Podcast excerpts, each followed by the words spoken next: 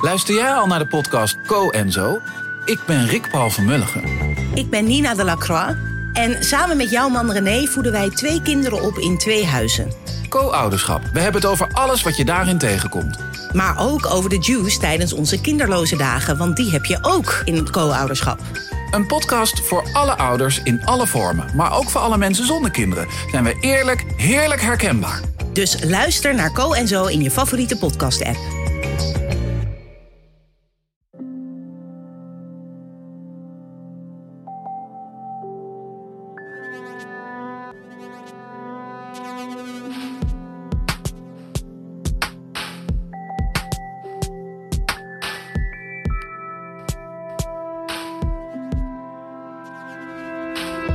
Hey, ik ben Pieter van Relaas. In Relaas hoor je waar gebeurde verhalen en die worden verteld door de mensen die ze zelf hebben meegemaakt. Dit is het relaas van Niels. Niels is een vluchter. Daarmee start hij ook zijn verhaal, dat ga je zo meteen horen. Hij gelooft niet dat de dingen vastliggen in het leven. In feite is dat zelfs zijn grootste nachtmerrie. Dat alles gepland zou zijn en dat alles geregeld is. En dus maakt Niels regelmatig, hoe heten we dat, een U-turn. Of een afslag in zijn leven. En sommige daarvan, ja, die zijn al wat gevaarlijker dan de andere. Nog een kleine opmerking vooraleer dat we beginnen met het verhaal. Op een bepaald moment zegt Niels in zijn verhaal dat hij de zoon is van twee operazangers. En je hoort dat heel de zaal begint te lachen. Dat is omdat er een link is met een van onze vorige relaasverhalen. Dat van Erika. Luister zeker ook eens naar dat verhaal, maar nu dus de vlucht van Niels.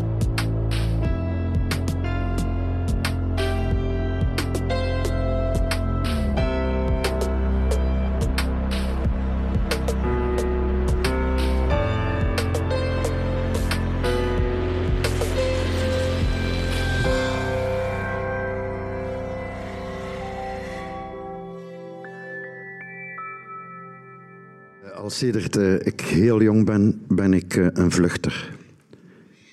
Eh, ik vlucht voor een soort lotsbestemming. Iets wat ik al heel vroeg voelde was van... Ik word in een richting geduwd waar dat ik, waar dat ik schrik van krijg. Iets wat, dat, een soort, ja, iets wat dat je niet kan ontlopen. Dus ben ik een vluchter geworden. Dat is niet altijd zo concreet. Soms is dat in mijn hoofd, soms verdwaal ik en vind ik mij niet meer terug. Uh, maar soms is dat wel heel concreet. En op mijn vier jaar heb ik mijn driewieler genomen en ben ik zelfstandig naar school gereden. Maar je moet weten, wij wonen in Deurle. En Deurle heeft een arme en een rijke kant. Wij wonen langs de arme kant, waar de landbouwers wonen. En dus je moet de Kortrijkse Steenweg oversteken. Nu, om op vier jaar met een driewieler de Kortrijkse Steenweg over te steken, dat is gevaarlijk, maar gelukkig, je beseft dat niet. En tegen dat ik op school kwam met die een driewieler, was alles al in rep en roer. Iedereen was gebeld.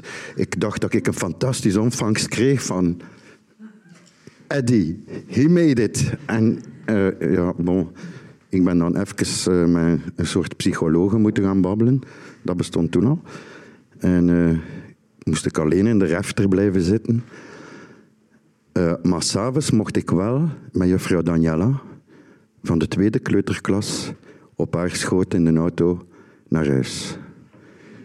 Dus ik dacht, morgen ga ik terug met mijn driewieler naar school. Enfin, het jaar nadien, uh, in de derde kleuterklas, ik zat toen al bij de anciens, uh, zijn we aan het spelen en, en, en ik zeg aan Frank, mijn beste vriend Frank Leroux, wij kunnen door die jaag, waarom zouden wij hier op die speelplaats spelen?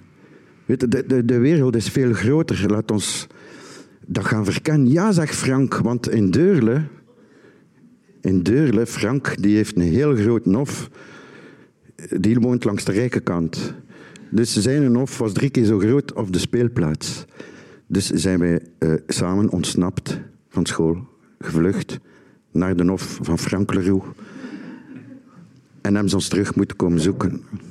En uh, dat is een beetje een constante in mijn leven. Ik ben, uh, ik ben de zoon van twee operazangers.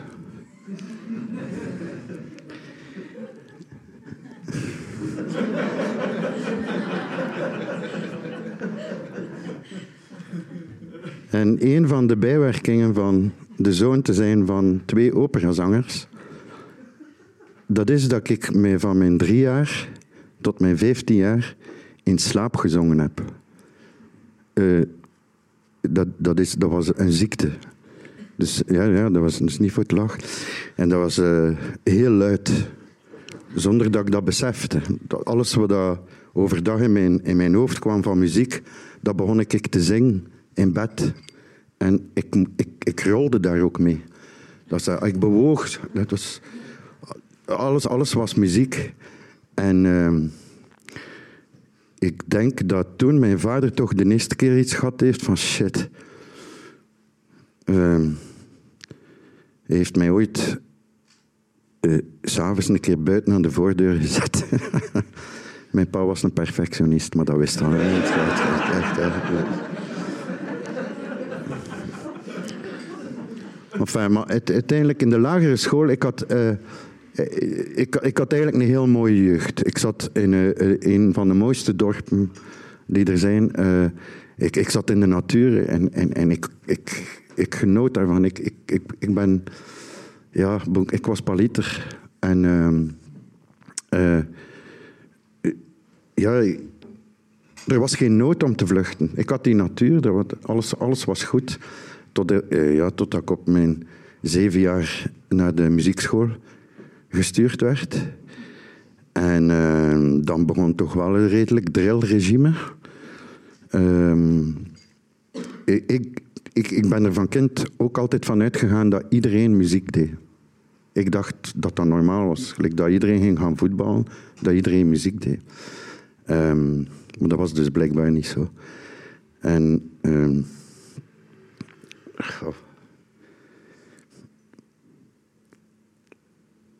de lagere school was een fantastische tijd. En ik heb een groot probleem gehad met de overgang van de lagere school naar het middelbaar. Uh, waar dat ik van de natuur in een soort betonnen constructie terecht kwam. Een, een, een school met 2000 leerlingen, allemaal beton behalve een voetbalveld. En ons vader was streng. En ik heb daarvan afgezien. Uh, wat mogen dat zijn? Uh, het was de harde hand. De pedagogische tik was vrij interpreteerbaar. De, de toetsen van de piano stonden in mijn hoofd. Maar ik verstond het toen niet. Ik ben het pas later gaan verstaan. Waarom? Maar ehm, ik, ik, had om den duur zodanig schrik van mijn vader dat, dat ik uh, een plan had gemaakt in het eerste middelbaar om van huis weg te lopen, terug te vluchten. En ik bereid alles voor.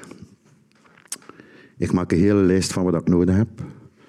Plastiek, voor uh, uh, een soort kamp te maken. Ik ga alles shorren. Ik zat toen bij de scouts. Uh, vooral vlees uit een diepvries. veel conserven, want dat gaat lang mee. enfin, een hele, hele waslijst. Maar vooral heel belangrijk, ik wou... ik had dat gezien, had zo radiootjes met een tv in. En ik wou dat, ik wou dat hem, om dan te zien, opsporing verzocht. Mij ging ze niet vinden. Ik ging, ik ging mee zijn. Allee, bedoel. Mm. Uh, enfin, uh, na weken van voorbereiding, de dag breekt aan. Uh, ik had alles op voorhand al naar het plek in het bos gebracht. En ik, ga, ik doe alsof dat ik naar school ga. En, maar ik ga in het bos. Ik maak mijn kamp, ik maak alles klaar, alles prima. En ons huis, dat, staat, dat was recht over een naaldbos. En ik was heel benieuwd hoe dan mijn ouders gingen reageren als ik s'avonds niet thuis kwam. Ja. Maar daarvoor was ik naar de elektro elektrowinkel geweest, achter zo een, een, een, een, radio met een tv. En ik, ik zag aan die man, als ik hem dat vroeg, de elektrowinkel in de Klapstraat. Wat ga jij daarmee doen? Die zei gewoon vlak af van ja, ik kan u dat niet verkopen. Goed, oké. Dat was de eerste tegenslag, maar bon, zwart. laten ons niet doen, we zijn positief. Uh, uiteindelijk lig ik s'avonds te kijken en ik, ik, ik, zie inderdaad dat er wat beweging is. Maar ik had uh, één grote fout gemaakt. Dat briefje waar dat ik opgeschreven had, wat ik allemaal moest meenemen, dat lag gewoon op mijn bureau. Dus we waren er al redelijk krap achter wat er aan de hand was. Uh, maar enfin, bon, uh, ik vind dat toch verraderlijk stil blijft. Ik had meer actie verwacht. Dus ik dacht, oké, good riddance. Ik ga, uh, ik ga gaan slapen in mijn slaapzak in het bos. Maar de dag nadien is er werkelijk een zondvloed. En alles loopt onder. Mijn netel, het is, ja, het is allemaal om zeep. En, en ik moet een oplossing vinden. En wij hebben thuis een kiekenskot. Maar een kiekenskot is een beetje... Dat was bij een, een, een halve bungalow eigenlijk. Dus ik dacht, ik ga de volgende nacht gewoon in dat, in dat kiekenskot gaan slapen. Totdat ik uh, mij terug kan hergroeperen. En uh, ik ga naar het kiekenskot, ik doe het licht aan en ik besef... Als je dat licht aan doet, gaan er ook vijf andere lichten aan. Ergens op terras. Dus ik doe het rap uit. Ik leg mij daar en een paar minuten later staat er een silhouet in die deur. En ik hoor, Niels, zit jij hier? Dat was mijn broer. Mijn broer Sven. We zijn al twee naar een kast in de IKEA genoemd. Hij is geen heroïsche personages in opera's, maar gewoon de goedkoopste kast. En, uiteindelijk, wij, hij babbelt met mij en, we babbelen en hij vraagt van waarom en hoe komt het en hij begrijpt het natuurlijk. Maar hij kan mij toch overhalen om, om mee naar binnen te gaan. En ondertussen stonden er al combis, de politie zat binnen. Uh, dus we zitten... Uh, ik zit aan die tafel samen met de, met de politie. En dan vragen ze van... Waar jij zitten? En waarom, waarom zijn hij weggelopen? Maar dat was nog allemaal voor Dutroux, hè. Allee, wel zeggen. er was niet zo echt iets van iets empathisch. Van, zou er iets met dat kind zijn of zo? Zou hij hem niet goed voelen? Nee, nee, nee. Dat was direct. Vanaf volgende week woensdag moet jij je elke week aanbieden uh, in de pinten bij de Rijkswacht. Uh, voor zeker te zijn dat je niet weggelopen zit. Enfin, bon, uh, het leven gaat door. ik heb mij eigenlijk dan een hele tijd gevoegd, natuurlijk. Vader was streng. En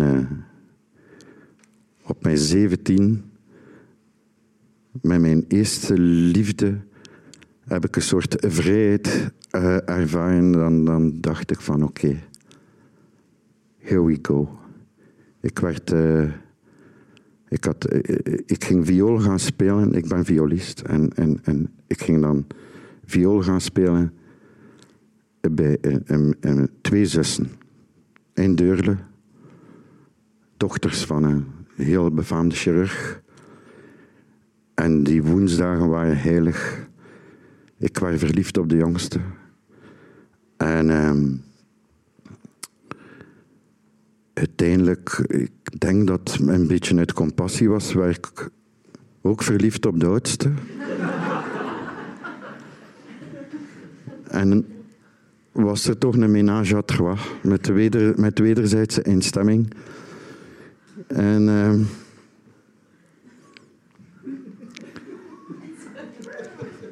als vluchter zijnde ben ik dus uh, de hele periode uit mijn raam ontsnapt thuis, s'nachts. En uh, dan ging ik de twee zussen gaan halen die langs de rijke kant wonen. En dan zet ik uh, alle tuinmeubelen van, van hen op elkaar en dan, dan ging ik die als een prins gaan halen, uiteindelijk. En uh, Eh, het was het jaar, denk ik, uh, 87, 86 van 2K, België-Rusland. Zaten wij in, op een nacht in de zonnedans. Alleen zaten. Die voetbal was voor mij iets minder belangrijk op dat moment. Ik lag met de jongste dochter buiten. De oudste dochter was uh, een bouillon aan het roken binnen. En tijdens die nacht krijgt mijn moeder telefoon van de chirurg. En die vraagt, is uw zoon thuis? Uh, het was in het Frans. Est-ce que votre fils il est à la maison? En mijn moeder zegt, mais, mais oui, bien sûr, il est 3 heures du matin. Ja, maar ja, ga toch maar een keer gaan kijken. En ik was er niet natuurlijk. En mijn moeder kent mijn, uh, mijn wegen en die zegt, ja, misschien moet ik naar de zonnedans gaan kijken. tof café. Dus die vader komt toe. Die ziet mij liggen met zijn jongste dochter buiten. En vindt zijn oudste dochter met een mooie chaffi binnen. En die zegt, kom allemaal in de auto en uh, ik voer je naar huis. Zegt tegen mij. Ik zeg, nee, ik, ik kan zelf, uh, ik weet de weg. Het is geen probleem. Uh, ik, ik, ik los dat wel op. ik kom thuis en de, het raam is dicht. Ik kan niet meer binnen. Er doet ook niemand open. Ik ben dan in de auto van mijn ouders gaan slapen. En om zeven uur s morgens, als het licht aanging, ben ik, ben ik binnengegaan en mijn vader. En dat was dan zo'n soort van ja, bevrijding. Die zat aan die keukentafel met het idee. Oh, het is geen avance niet meer. ik, ik laat los. en het enigste probleem dat ik die dag nog gehad heb, is dat ik mijn excuses moest gaan aanbieden bij de vader gentleman zijnde. In het Frans. uh, dus ik ga naar dat huis en hij zit daar in zijn korte broek buiten. En het enigste wat hij vroeg was: Avec laquelle de mes filles est-ce que tu. En ik ik was gelijk zoiets te lang aan het wachten. Ik dacht, wat, wat zou hij nu het liefst? De, de jongste of de oudste?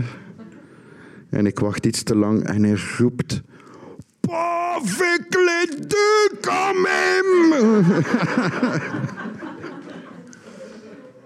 en er werd toen afgesproken dat ik dus... Uh, dat ik die nooit meer mocht terugzien. En ik heb die ook nooit meer teruggezien. Ja. Ja, sorry. Ik dacht dat uh, geen happy end, maar bon. Uh, uiteindelijk ben ik, ik ben blijven vluchten. Ik heb naar, naar Tumaniora ben ik eerst uh, zes maanden handelsingenieur geweest. Dan ben ik, ik wou absoluut geen muziek doen.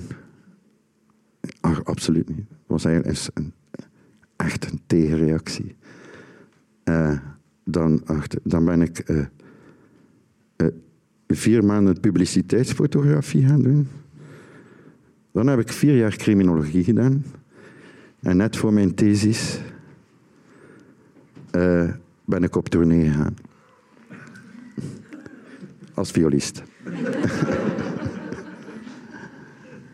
en uiteindelijk is dat... Uh, muziek is mijn vlucht geworden, uiteindelijk. Ik ben uiteindelijk uh, beroepsmuzikant geworden en... Muziek is natuurlijk het schoonste wat je kunt in vlucht. Dank u.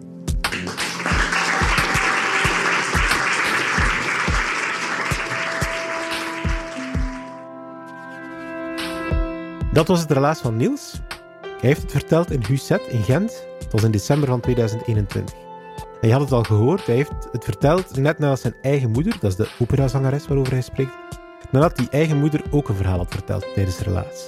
Je moet het maar eens beluisteren, het is een van onze vorige afleveringen. Ik vind het zotwijs dat er in één familie twee verhalenvertellers zitten op dezelfde avond. Dat doen voor mij twee dingen. Eén, dat iedereen een verhaal te vertellen heeft. En twee, dat je toch veel van je ouders meekrijgt. Wij verzamelen met Relaas verhalen sinds 2015. En dat zijn er nu meer dan 250 die je kan beluisteren op Spotify, of waar je ook naar podcasts luistert. En we brengen die verhalen allemaal live. Dus dat zijn minstens 60 live vertelavonden die we met Relaas al hebben georganiseerd. Met de steun van de afdeling cultuur van de Vlaamse gemeenschap en die van de stad Gent. En we hebben altijd honger naar nog meer verhalen, dus blijf ze insturen. Dat kan via een formuliertje op onze website. Of kom eens langs op een van onze vertelavonden en trek aan de mouw.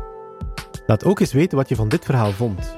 En we horen elkaar een volgende week terug voor een nieuwe relaas. Dat is beloofd.